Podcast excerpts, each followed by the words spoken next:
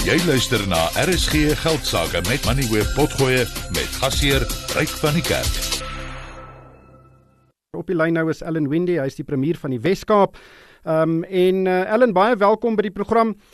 Verskeie dorpe in die Karoo het nou al vir amper 2 weke nie krag nie. Dit volg nadat 'n storm 7 van Eskom se kragtorings omgewaai het en dit lyk nou asof uh, die krag môre weer aangeskakel kan word. Eskom het vandag gesê hulle het fliks gevorder met die uh, die herstelwerk van daardie probleme. Wat is jou siening van wat tans gebeur? Ehm um, gaan well, ons moet nog hmm. ja, ja ons moet nog gaan uitvind wat hoekom wat is die rede? Ehm um, hoekom uh jy weet as van hierdie groot kraglyne as een val dan trek dit anders saam met hom. Uh maar ons ons sal daai uitvind na die ondersoek klaar is. Uh is dit 'n maintenance issue? Is dit 'n storm issue? Wat het gebeur? Uh vir 'n paar redes moet ons uitvind want uh, nommer 1 Ehm um, is daar ander risiko's in die provinsie? Ehm um, moet ons iets anders doen want ek wil hê dit moet weer gebeur. Ehm um, want ja, jy's 100% korrek. Uh uh 2 weke sonder krag, total blackout. Uh sewe van ons dorpe in die Karoo twee van die dorpe in die Noord-Kaap en uh ja, 14 dae sonder krag. Dit was 'n uh, baie lesse vir uh, ek dink vir ons uh, ons rampbestuurmense. Ons het altyd planne in plek vir 'n blackout. Ons praat oor altyd oor Suid-Afrika wat gaan gebeur as daar 'n blackout gebeur. En uh, vir ons was daar ook baie lesse. Ehm um, hoe kry ons kos by mense? Ehm um, hoe hoe watter druk sit dit sit dit op ons hospitale? Uh watter veiligheidsissues is daar? Ehm um, ja maar ek ek moet sê dat uh wow, dit was ongelooflik soos altyd uh mense wat opstaan en help uh van diesel skenk tot generator skenk van uh, koshuise waar kinders ingevat was uh by families uh, toe in die begin toe ons nie krag gehad het vir kos en en warm water ensovoorts. So uh, ja, unbelievable en ehm um, ja, ek was uh, ek was baie trots op uh, op ons uh, departemente en die ondersteuning. Uh, ons moes eintlik vir Eskom ondersteun want hulle hulle is die die die organisasie wat dit ja. weer regmaak. Ehm um, man baie werk. Hoe hoe hoe dink jy het Eskom hierdie situasie hanteer? Wel, ek moet sê dat ek het gedink dit was 'n bietjie stadig in die begin. Ehm um, daar daar was 'n ramp en uh daar was die kommunikasie so ek dink ons rampbestuur het ingespring. Ek het self uh ek het self elke oggend uh 6:30 en hopelik môreoggend is die laaste ene waar ek saam met Eskom en ons rampbestuur en ons departemente sit elke oggend. Waar is ons hoe ver enige ander uh, hulp nodig? Want ons het ons ons het on, ons eie trokke gebruik ons het ons ons moes permitte uitreik.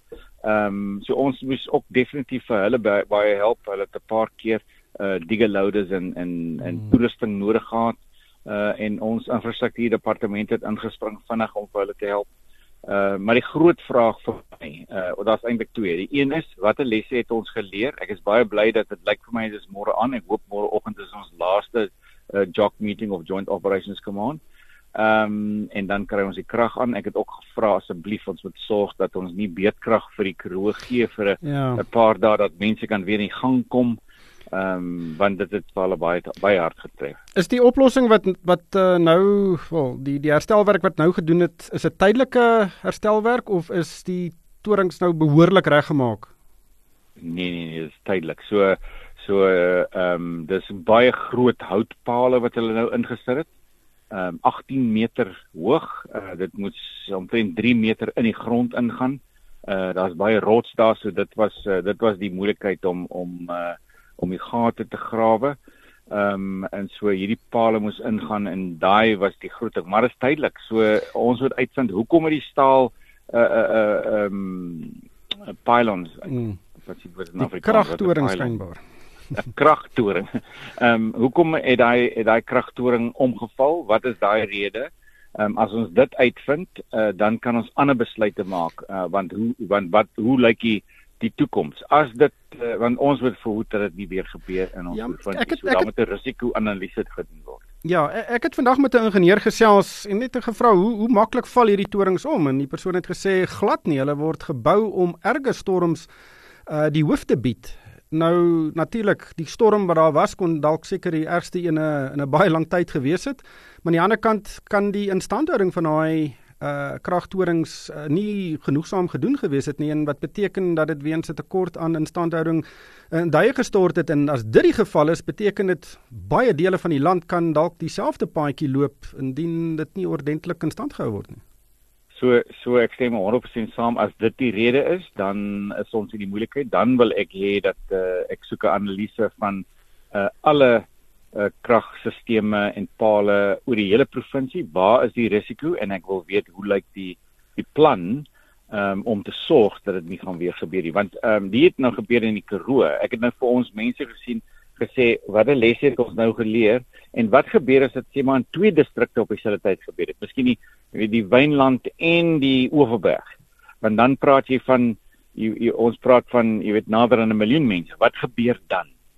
En uh en jy weet dan is dit dan is dit groot moeilikheid. Ehm um, ons kan nog ons kon nog steeds 5000 uh, kospakke uh in trokke gesit te kry en uitkry by ons dorpe.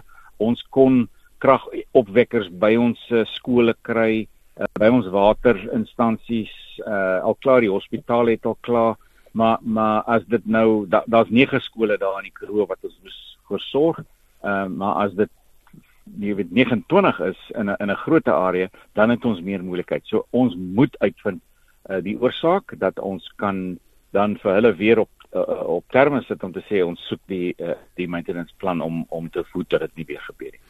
Is daar 'n ooreenkoms tussen of 'n diensvlak ooreenkoms tussen die Wes-Kaap of die provinsiale regering en Eskom? Is bestaan so iets? Nee, daar is iets wat so bestaan nie. Wat ons doen, uh, on, ons het 'n kwartaallikse vergadering met hulle. Ek het dit nou vir 'n paar jaar gehad waar ons net wil uitvind wat wat doen jy waar wat wat, wat is die issues en uh, en uh, ek ek dink van nou af met daai kwartaallikse vergadering 'n paar ander items op die agenda hê. Hmm. Um, en ek sal ook uh, ek sal ook as as uh, hulle nie daai antwoorde kan gee, ek wil ook hê dat ons rampbestuur moet dan uitgaan en sê, oké, okay, wat is die risiko en waar is die risiko dat ons kan dit aanvat?